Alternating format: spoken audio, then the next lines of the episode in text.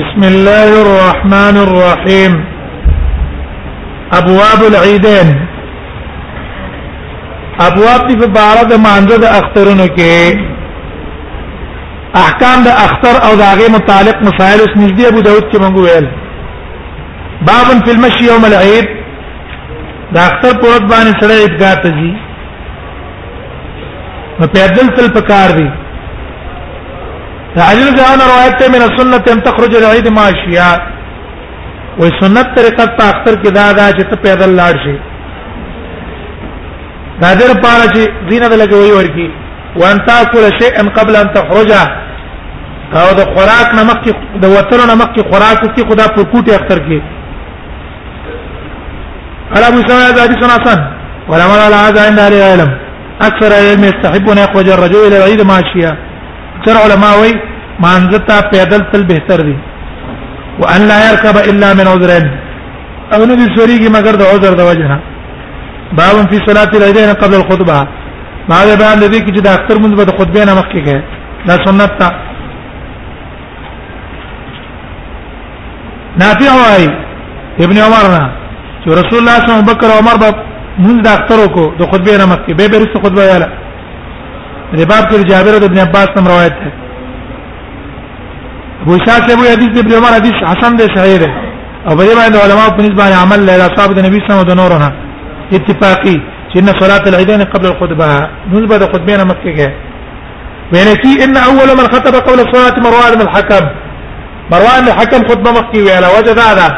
چې دې ته خلق نه کیناست دغه رسو خطبه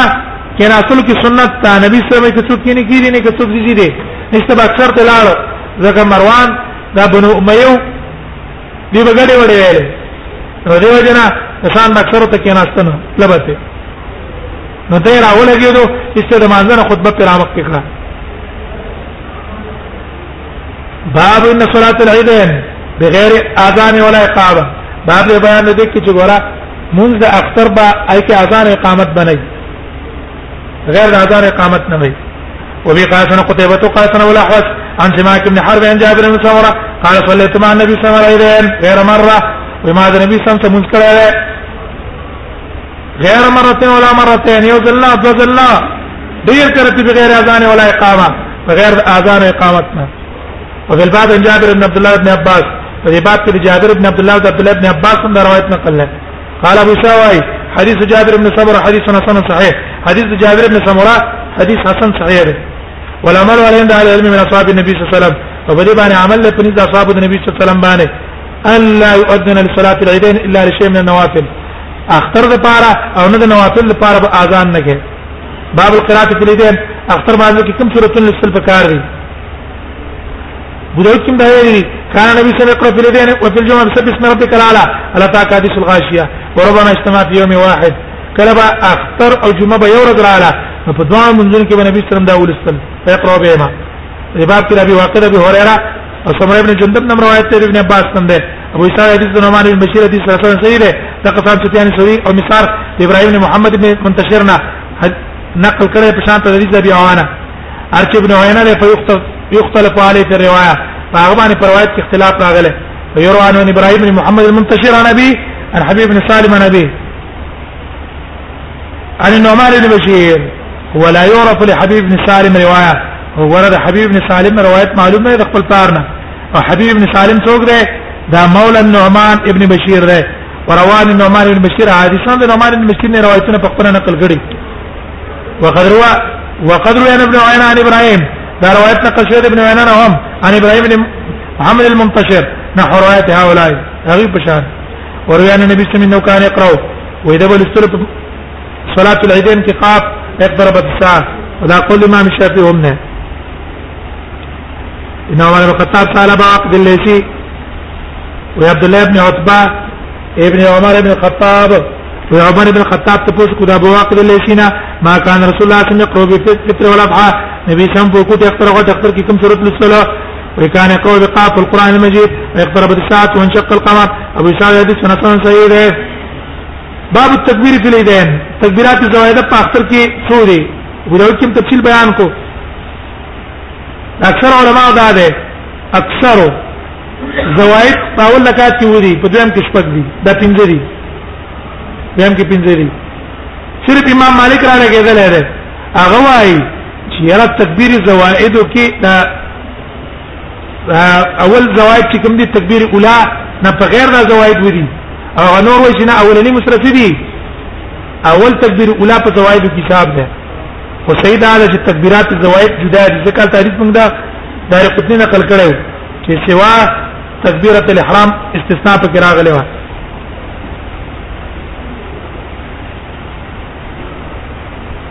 النبي صلى الله عليه وسلم كبر في اليدين في الاولى سبعا قبل القراءه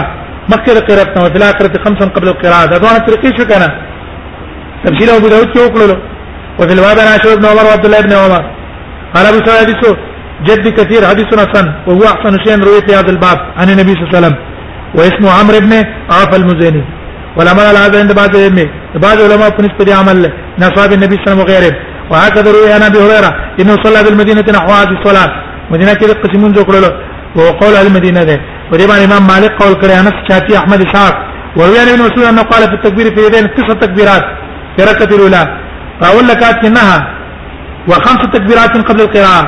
او پنځه تکبیرات هما مخکې قراتنا او د رکعت الثانیه یبدا بالقراءه او شروع کوي په قرات باندې ثم يكبر اربع بیا څلور الله اکبر دې سره تکبیر درو کو نه درې به زوای شي درې به راش وقدر ان غير واحد من اصحاب النبي صلى الله عليه وسلم هذا لا قول الكوفي ولا يقول سفيان الثوري بن سفيان الثوري قول كرايه باب لا صلاه قبل العيدين ولا بعدهما اختر ما ازر مخ نه پلنش تر چلته نه پلنش نه ابن عباس وايي خرج يوم الفطر فصلى ركعتين ثم لسلم قبل وما ولا بعدهما دي بعد كده عبد ابن بن عمر ابي سعيد ابو عيسى يتولى روايه نقل ولما لا عند بعض من اصحاب النبي صلى الله عليه وسلم وغيره وبيقول الشافعي واحمد واسحاق وقد راى طائفه من العلم وبعض كسان دا قول لاجبار صلاه العيدين وقبلها من وبعض كسان دا قول كره من العلم الصلاه بعد صلاه العيدين وقبلها من اصحاب النبي صلى الله عليه وسلم خير جائز ده هو القول الاول اصح سيدار جنبك هل ابن عمر انه خرج يوم عيد ولم يصلي قبلها ولا بعدها وذكر النبي صلى الله عليه وسلم فعله اذا النبي صلى الله عليه وسلم دقه كول باب في خروج النساء في العيدين زنانه لما اختر من جنب وتل بكار دي ومن عتي روايه ان رسول الله صلى الله عليه وسلم كان يخرج الابكار والعواتق زوان جنكي والعواتق او زوانانه وزوات الخدور خدور او پردانشینه اول حویه دا هغه نه چې حیض ته تلال لاغلي هغه ما اختر باندې لستره هر چې حيه دي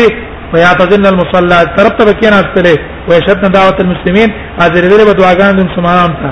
قالت احداهن يا رسول الله نبی الفقيه الله پیغمبر ان لكم ان لم يكن لها جلباب كذا غير پرونه نه بیا بسکی قال وي فرمایلا وي فرمایل فلتعرها اختان وردی کې هغه ترور فور د من جلباب خپل جلباب دی ولور کی هغه دی ولور کی کنه او به قال کنه حوض مني قال کنه شیا من شان الناس انا حفصه ابن تشیر بن میاتیه بن حوض بن او وفي الباب ابن عباس وجابر قال ابو سعد ثم عتيق هذه سنه سنه صحيح وقد ذهب بعض العلم الى بعض علماء سری دي دي حدیث ورقه النساء في الخروج اليه اجازه ورکړه زنانو ته په اكثر کې اکثر منځونه تا وکړه بعضو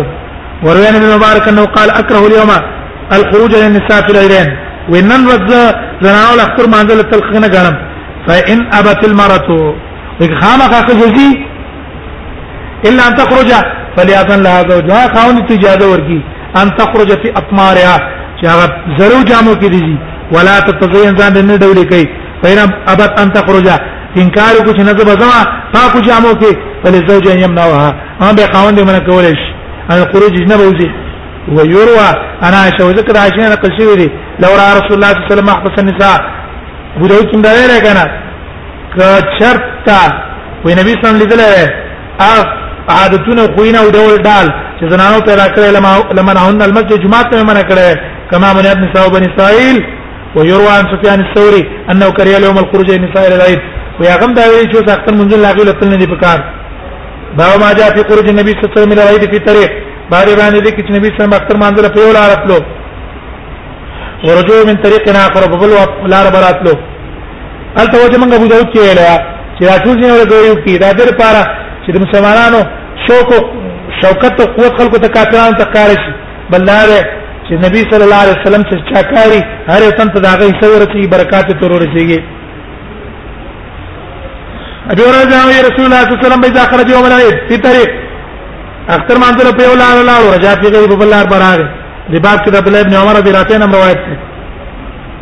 دی بل روایت کې جابر بن عبد الله فقد استوى بعض امام عباد علماء امام په پاره د مستحب غنی لري داخله په طریق په یو لار کې دی هر جا په غیري چې بل لار واپس اتباع له عبد الحديث او اتباع د حدیث نه دا قول الامام الشافعي وحديث جابر كان هو صح وحديث جابر ده صحیح ده باب في الاكل يوم الفطر قبل الخروج د وترونه مکه د کوټه اختب اورز باندې مکه خوراک سنت ده كان النبي صلى الله عليه وسلم يخرج يوم الفطر حتى يطمع خوراک له کو ولا تم يوم الاضحى حتى يصلي او دغه دفتر کې موږ نه کو خوراک مې نه کو تر دې چې موږ یو کی وقال محمد العارف لثواب ابن عتبة غير هذا الحديث وقد استبقوا من العلم الا يخرجوا من الفطر حتى يطعم شيئا لقراكك واستحب له يفطر على على تمر او كجوري قيدا ولا غوري ولا تمیونتا حتى يرجع واپس چې راشي دې خوراک کی حرام شنوار کې نبی صلی الله علیه وسلم کان افترا تمرات والفطر قبل يخرج المصلى خوراک دې کو رجب ما تکړه لپ کجورو مکر وطن مانځتا ابواب السفر باب التقصير في السفر په سفر کې قصر کول پکار دي دا تفصیل مستاذ ویو سفر ته باندې نبی سلام ابن عمر مې نبی سلام سفر کړی دی ابو بکر عمر او عثمان سفر کان سنن زور اور سره کاتین رکاتین لا يصلون قبل ولا بعد مکه انت سنت نه کول سره انت نه کول عبد الله لو كنت مصليا كما مکه ته منځ کوله قبل او بعد على اتمام توابهم دا صلو دا فرض میں پورا کرے باب کے عمر داری ابن عباس انس عمران بن حسین عائشہ نے روایت ہے دانا ارکل من حدیث حمد السلام مثل هذا على محمد بن اسماعيل وقد روى هذا وقد روى روي هذا الحديث عن عبد الله بن عمر عن رجل من اهل سراقه عن ابن عمر قال ابو اسحاق وقد روي نافيه له في اي ابن عمر ان النبي صلى الله عليه وسلم كان تطوع في سفره او عام نفل وکول دا تطوع کوم دي پنه تنواتلو في السفر قبل الصلاه وبعدها وخصان النبي صلى الله عليه وسلم لو كان يقصر في السفر ها په سفر کې قصر کړی ابو بکر عمر عثمان صدر من خلافت ہے صدر من خلافت ذکر واجب رستو عثمان اتمام به وکړو ولما لا ذا ان اكثر من اصحاب النبي صلى الله عليه وسلم وغيرهم فقد روي عائشة أنها كانت تتم الصلاة في سفر عائشة په سفر پورا کو څه کو پورا مونږ هم کړه ده ولا عمل ما ولا عمل او ته عمل پاک باندې چې نبی صلی الله علیه وسلم نقل شوی ده او دا غد صحابونه دا افضل له دا قال امام شافعي احمد اسحاق الا ان شافعي يقول امام شافعي تقصير رخصت ته دا مساله په دې کې بیان کړه کنه عزمت ته رخصت ته دی تقصير رخصت ته اتمام بهتر ده په سفر کې پینا تم صلات اجزان کو پورا منجو کو کافی شو نور علماء جنا عظمت ته انا بنظر قال رسول عمران بن حسين عن صلاه المسافر مسافر بصوره کاته کوي قال حجت مع رسول الله صلى الله عليه وسلم فصلى ركعتين وركعته کو حجت مع ابي بکر فصلى ركعتين ابو بکر سماجت له ركعته کو عمر سنتري ركعته کو عثمان سره شپک کاله د خلافتنا یا تکاله ركعته کو دیرستې تلور شروع کړو دی بل روایت کې بیان شوی مالک وايي صلی الله علیه نبی صلی الله علیه وسلم ذور بالمدینه اربعن سرور مسوکو تر حلیفه په چور سودو ما ذکرم دوه رکعات وکړو سفر کې دوه رکعات وکړو ابن عباس روایت ته ان نبی صلی الله علیه وسلم خرج من المدینه الى مکه هو تر مدینه مکه ته لا يخاف الا رب العالمین نبی دې نه دې مگر الله را صلی الله رکعتین دوه رکعات وکړو انا په لار لارې دوه رکعات وکړو ما ما جاء بكم تقصر الصلاه څونه اندازه کې قصر کی دا مثلا بیان کړه قال خرجنا مع النبي صلى الله عليه وسلم من الى مكه فصلى ركعتين قلت يا انس كما قام رسول الله صلى الله عليه وسلم مكه قال اترن دا لتر چې په حج کې خدای له اعتبار څخه نشته چې رسول الله په یوه په اړه لته ولا کنه الباب ابن عباس جابر دبل روایت کې ابن عباس نبی صلی الله عليه وسلم قام په عبادت په 19 نور لتر چې تیر کړي څلور رکعتين ابن عباس په نحمه اذا قمنا ما بيننا وبين 19 صلی الله رکعتین خدا زرا آیا سیدان چې رسول الله jihad له ترې ده jihad نه اول ته مون ترجیح ورکړې و دیلا چې د درې ورځو نه د زیات اراده او مقیم چې کم مسافر ختم الصلاه منځ پورې کوي ها وإنزلنا على ذلك أتممنا الصلاة وروينا علي علي لم نقل إنه قال من قام عشرة أيام أتم الصلاة وروينا ابن عمر أنه قال من قام خمسة عشر يوما أتم الصلاة ورویا انو 15 دوله سره دې تنقل لې پنځله سره دې تنقل لې دې دې بار اکتفا وکړه ورویا سیدنا سیدنا نو قال اذا قام اربعا صلى اربعا څلور دې پاتې کېده څلور رکعات به کوي ورویا ذلك قطعت وتل قرصان ورویا وروان داود ابن ابي هند خلاف هذا واختلف على العلم بعد ازاله دې علماء په دې اختلاف کړي هر سفيان ثوري کوفي والا ده نو تری توقيت پنځله سره وتا وقال اذا اجمع على اقامه 15 کله چې اتفاق کو عزم کو چې پنځه سره دې پاتې کېږي منځ پورا کوي او زاهي وي اذا اجمع على اقامه 16 دولس ورځې منځ پورا کوي مالک او شافعي وايي اذا اجمع على اقامه 4 څلور ورځې اقامت وکړو منځ پورا کوي ها خو امام مالک پکې یوم الرجوع یوم الخروج هم پدې کې حسابي او امام شافعي پکې نه حسابي ارج ساق له فرعا اقوى المذاهب فيه وقوي مذاهب پدې کې ابن عباس حساب کړی دی ولی وی لانه روان النبي صلى الله عليه وسلم د نبی صلی الله علیه وسلم نقل کړه ثم ناوله بعد النبي صلى الله عليه وسلم و د نبی صلی الله علیه وسلم عمل په کړه ده اذا اجمع على اقامه 19 چې اجماع کله به اعظم کو په نور لسره د پاتې کېدو موږ پورا کاو ثم اجمع على العلم بیا د ټول علماء په اتفاق ده ان المسافر ان يقصر قصر بقي ما لم يجمع اقامه چې قصد اقامت نه کړي وینا تعالی سنن اگر کړنه پیرال اینن زما سبا زما نن زما سبا زما نن زما سبا زما په دې باندې کلونه پتیر شو سفر وکړي ان یې باسار صاحب رسول الله صلی الله علیه وسلم سفر نبی سم سفر لاړو وصلات ساشر یوما نور سره جو کړې رکعتین رکعتین قال ابن عباس بن احمد صلی فيما بيننا وبين ساشر رکعتین امام ترمذی دې طرف ته مایل لکه دا خبر او کړه فاذا قمنا اكثر من ذلك صلينا اربع قال ابو سعد عليه السلام غريب باو ما جاء في التصفيق سفر سفر کې نقل کولای شي په نیت نوافل کولای شي خبره پکې نشته ده بر ابن عازب وايي چې رسول الله صلی الله علیه وسلم سفر نه تل سفرونو کې سترم فما رايت ترك ركعتين اذا زاغت الشمس قبل الظهر ما شکل نه مخکې دوه رکعات کول باب کې د عبد الله بن عمر روایت مخکې تیر سالت محمد عمر فلم يعرف الا من حديث سلسله بن سعد ولم يعرف اسمه ابي بصرا دا نو معلوم نکړلو ولم عمر ان النبي صلى الله عليه وسلم كان يتطوف السفر النبي صلى الله عليه وسلم سفر کې نفل نکول قبل الصلاه ولا بعدها وروي عن النبي صلى الله عليه وسلم كانت تطوف في سفر ثم اختلف على علمه فدي وجه العلماء اختلاف ده النبي صلى الله عليه وسلم بعض اصحاب النبي صلى الله عليه وسلم وي ان تطوع رجل في السفر سفر کې بنه پلګي دا قول احمد اسحاق ولم يرى طائفه من العلم او بعض العلماء راي دا ان يصلي قبل ولا بعد جنان پل باندې کې وما لم لم تطوف في السفر تو چې سفر کې نه پلګي کړی قبول رخصت مقصد دا ده کني کې خیر ومن تطوع او چا چې نوافل کړی دي فلو فی ذلک فضل کثیر دا هغه په جلد کې ډیر چیرې نفل پکار دی نه کول جایز دی کول به تر دی دا قول د اکثر علم اختارونه تطوع السفر سفر کې نواتل ورکه قال صليت مع النبي صلى الله عليه وسلم ظهر في سفر ركعتين وبعد ركعتين قال ابو سعيد حديثنا سن وقد روى ابن ابي ليلى عن عن ابن عمر عن ابن عمر قال صليت مع النبي صلى الله عليه وسلم في الحضر وصليت معه في الحضر الظهر اربعه صلوا ركعت ما تكن وبعد ركعتين وصليت ما في سفر الظهر ركعتين وبعد ركعتين والعصر ركعتين ما ذكر دو ركعات ولم يصلي بعدها شيئا والمغرب في الحضر والسفر سواء يوشي عندي دري ركعات لا ينقص في حضر ولا سفر حضر او سفر کې داینه کم بوت نه کړه او یوتر النهار راتات دي ورځ وبعد ركعتين قال ابو سعد حديث صلى الله عليه وسلم سمعت محمد يقول ما روى النبي لا حديث اعجب لي من هذا دا ما شاهد دغه نوافل جواز هم پکې راغله او د ماقام عدم نقص هم پکې راغله باو ما جاء في الجمع بين الصلاتين جمع بين الصلاتين تفصيلي په دې ترمذی کې ویل کوم ځنه جمع کولای شي د سفر د وجه معاذ بن جبل النبي صلى الله عليه وسلم كان قد يتبوك اذا ارتعل قبل ان تزيغ الشمس اخر ظهرا ما تخم بيرستك الى اجماع هما الى العصر ما ذكرت بيرستك فيصل لما جميعا وانا يبيض يوكرو وزرت على بعد زيغ الشمس روان بشو پس زيغ الشمس نه اجازه تر ماجګر به را مخ کړو اله زور ماسپخین توصل زور ماسپخین به وڅوکړو ولا تر جميعا ثم سار به بلاړو وکانه در تعالی قبل المغرب او کله به روان شو ما قام نه مکه اخر المغرب ما قام درستو کا تیسلیا مال شاد ما خو څنګه وکړو وزر تعالی بعد المغرب او ما قام ورستو روانو عجل شا ما قام به رامک کو فصلى ما المغرب ما قام سره وکړو دوانه کوي تقدیم تاخير دوانه وفي الباب علي بن عمر وعن عبد الله بن عمر وعن شباب بن عباس وسامه بن جابر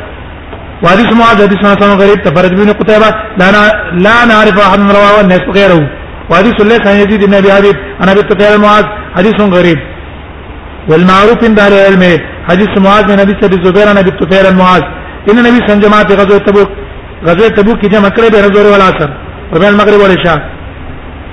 ورواه قرب بن خالد او قرب بن خالد أنا قل کړی سفيان الثوري مالك وغير واحد من ابي الزبير المكي وبهذا الحديث يقول الشافعي واحمد واسحاق يقولان يوي لا باس بان يجمع بين الصلاتين في السفر في وقت واحد خير وقت كي كولش وبي قال سنا حناد قال سمعت عن عبد الله بن عمر ان ابن عمر انه استغيث استغيث وذا ابو داود کې لفظ استصرخه ده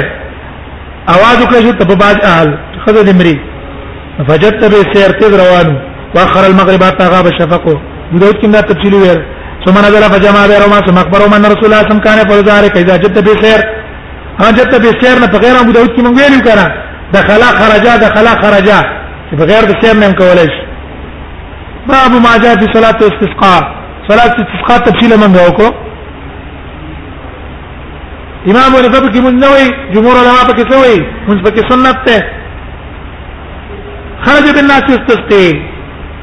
انا عمي ان رسول الله صلى الله عليه وسلم خرج بالناس يستسقي النبي صلى الله عليه وسلم خلق فيست طلب باران کو فصلى بهم ركعتين بركات یو تکړو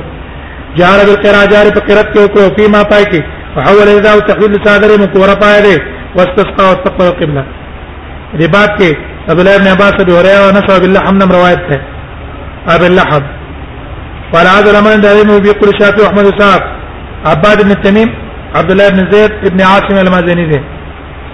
امیر مولا بالله حمنا بالله حمنا روایت کینه رسول الله صلی الله علیه وسلم حجار زید یستسقي طلب باران کو وهو مقنع مقنع بكفه لا سن چت کړي دعا کولا قال ابو سعيد كذا قال قتيبة في هذا الحديث انا باللحم ولا نعرف له النبي صلى الله عليه وسلم الا هذا الحديث الواحد عمر مولى باللحم قال رواه النبي صلى حديثه ولو صحبه غمس وابده قال ارسل الوليد بن قوان الى المدينه اذا ابن عباس سالوا عن استسقاء رسول الله صلى الله عليه وسلم فاتته فقال ان رسول الله صلى الله عليه وسلم خرج وزوت العالم ما غلا في رسول الله صلى الله عليه وسلم وتل متبذلا متواضعا متبذلا زری جامع چوری متواضعا جس کو ان کے متضرعا جس کو ان کے والله تعالی سره چې مصلا تعالی خطبه ونه ویل تاسو دې خطبه پشان لیکن دعا کیو تضرع کیو الله اکبر ویل درکات به وکړه کما یصلی فی رایب دا اختر کې څنګه مونږ صلات استسقاء کې موږ ویلو کړه بعض علما په دې قول کړه چې تکبیرات په کې کې موږ نه کما صلی په لید تکبیر پڅ کړه او دوه رکعات کړه قال بسند حدیث سنه سنه صحیح وهو قول الشافعي ودا امام شافعي قول له قال صلی صلات الاستسقاء نحو صلات العيدين هغه پرنګ بکی تکبیرات زوایت په کې وای نو کبیر فرقه رسول الله صلی الله علیه وسلم خمسه واحتج بحديث ابن عباس وروى وروى ابن انس بن مالك انه قال له كبر في صلاه الاستسقاء پای کله تکبیرات نو کما یکبر فی صلات العید په فی صلات الکسوف د کسوف پنځه مختلفې طریقې راغلي ابو داود کې موږ ویل لیکن راجح طریقه پای کې موږ دا ویل چې هر رکعت کې فرق وګانې یا مختلف احادیث محمول په مختلف واقعاتو کې مختلف واقع نه بیا هغه د دوه رکعتونو روایتونه راجح دي هلته موږ تفصیل بیان کوو حضرت ابن عباس روایت ہے نبی صلی اللہ علیہ وسلم فین فقرا فقر اخرت وکړو بیا رکو په بیا کرت کو بیا رکو کو بیا کرت کو بیا رکو کو سم بیک سیدا کر د سیدې اور قرآن مثلا ربا کی علی عائشہ الله بن عمر نعمان ابن بشیر ابن شعبہ بن مسعود بکرا سمرات بن مسعود اسماء بنت ابی بکر ابن عمر قبیصہ الہلی جابر بن عبد الله بن موسی عبد الرحمن بن سمرہ بن کعب ټول روایت نقل ابو سعید بن عباس حدیث سنا سن صحیح وقدر ابن عباس نے النبي صلى الله عليه وسلم ثلاث كسوفين بركات څلور رکعات کړې دي رو څلور کوګانې کړې دي اربع سجدات څلور سجدو دا قول شافعي احمد اسحاق هم ده وخت الفاظ چې قرات په صلات القصوب په قرات کې اختلاف کړی جار به کې پټ به کې الته تفصیل موږ بیان کو فرابا ظاهر نه سره بل قرات فيها بالنار ورځ په پټ وای چاوي جرو بل قرات فيها ورځ په جار کوي شانت مانځ د اختر د جمعه دا قول مالک احمد اسحاق يرون جهر بها قال شافعي لا جهر فيها جهر به کې نه کوي وقصان النبي صلى الله عليه وسلم روایتين وار روایتونه دي صحیح دي سان نو صلی الله برکات ان پیرات سجدات څلور کوګانې کړي څلور سجدو کې او دا د صحیح نو صلی الله برکات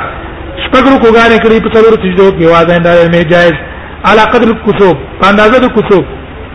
څنګه انت تاول الكسوف په کسوف وګړو نو صلی الله برکات شپږ کوګانې وکړي څلور سجدو کې دا جائز دي وإن صلى أربع ركعات في أربع سجدات كتلور كوغاني وكتلور سجدو ترى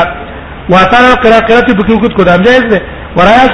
ويرى اصحابنا يصلي صلاه الكسوف في جماعه في كسوف الشمس والقمر کدا نور کسوف یو کدا سپوک مې کسوف په جماعه باندې موږ پکار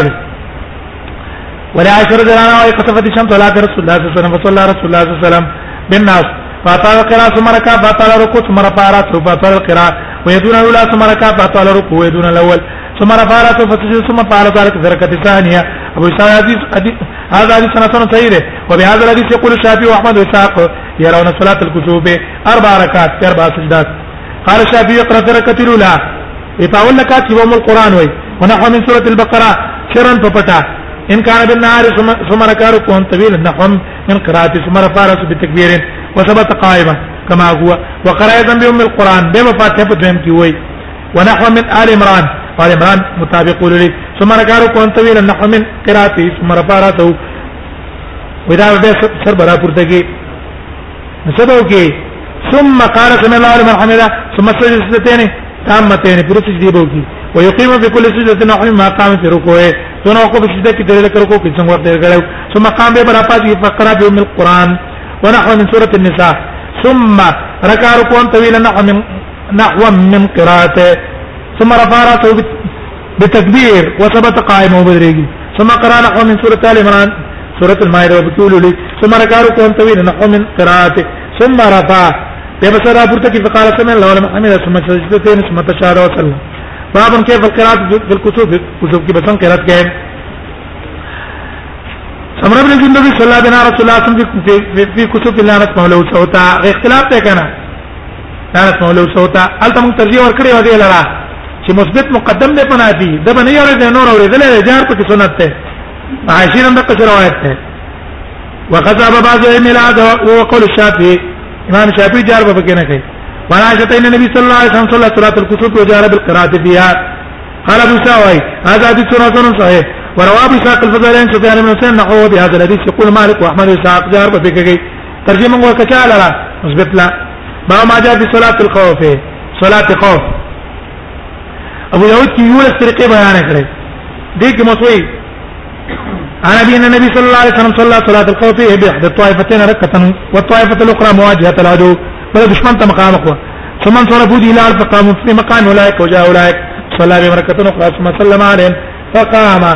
هؤلاء فقد ركعتهم وقام هؤلاء فقد ركعتهم اري وزان ځان رکعات دې کسان هم دا نقل لي ابو اسحاق قد ذهب مالك بن انس في صلاه الخوف الى حديث سالم بن ابي حسمه دا قول امام شافعي هم نه احمد يقدر يعني النبي صلى الله عليه وسلم صلاه القبر الاوجه مختلف طرق نقل وما لهم في هذا الباب الا حديث صحيح هل هو حديث ما تسيده واختار حديث سعد نبي ابي وهكذا قال ساق بن ابراهيم قال ثبتت رواية عن النبي صلى الله عليه وسلم في صلاة الخوف ورأى أن كل ما روي عن النبي صلى الله عليه وسلم في صلاة الخوف فهو جائز على طريق جائز ده وهذا على قدر الخوف طبعا هذا خوف نانو هغه طریقه به قال ساق ولسنا نختار حديث ثابت بحسب على غيره دا من نور کو په نور روایتونو باندې ټول جایز دي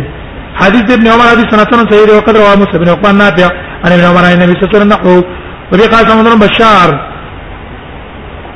صار ابن ابي عاصم انه قال في صلاه القضاء يقرا يقرا الامام مستقبل القبله امام قبله ترت مقرت کوي وتقوم طائفه منهم معه يودل بو تدريږي وطائفه من قبله دشمن ترته بلړه يودريږي وجو من هذا مخنه به دشمنان ترته فيركعوا بامركعتين وركعت دغي توفي وركعون يرم بسم بلکات بزان لو کې ويجدون بسم بزان له مسجد مو کې سیدته په مکان په خپل قضیه کې بلا چې مقام اولایک ويجو اولایک فيركعوا فيركعوا بامركعتين دویم سجدتين په یلو سنتان مان د پرد دوشو ولهم واحد یو رکعت ثم يركعون ركعتين ويجدون وسجدتين قال محمد بشار سالت محمد سيدنا هذا الحديث قد شو بنا عبد الرحمن بن القاسم النبي انصار بن قوات انصار بن مياس النبي صلى الله عليه وسلم كان حديث ابن سعيد الانصاري وقال لي ومات اكتبه لي اكتبه اكتبه الى جنبي واذا قاته لك ولا تحفظ الحديث و وما تبريات نه ولكنه استحديث من سيد الانصاري قال ابو سواد ساتون صحيح لم يرفع يحمل سيد الانصاري قاسون محمد وهكذا روى اصحاب يحمل سيد الانصاري موقوفه ورفعوا شعبه عن عبد الرحمن بن قاسم محمد ابن مالك بن عاصم يزيد بن رمان قال ابن خوات امن صلى مع النبي صلى الله عليه وسلم فقد ذكر نحوه قال ابو سعيد هذا سنه صحيح وبيقول مالك والشافعي واحمد وسعد وروي عن غير واحد من النبي صلى الله عليه وسلم صلى به طائفه ركعتين ركع فقال النبي صلى الله عليه وسلم ركعتان ولم ركعتان ركع نعم ابو داود قال كان باب ما جاء في سجود القران سجدي القران استاذن ویل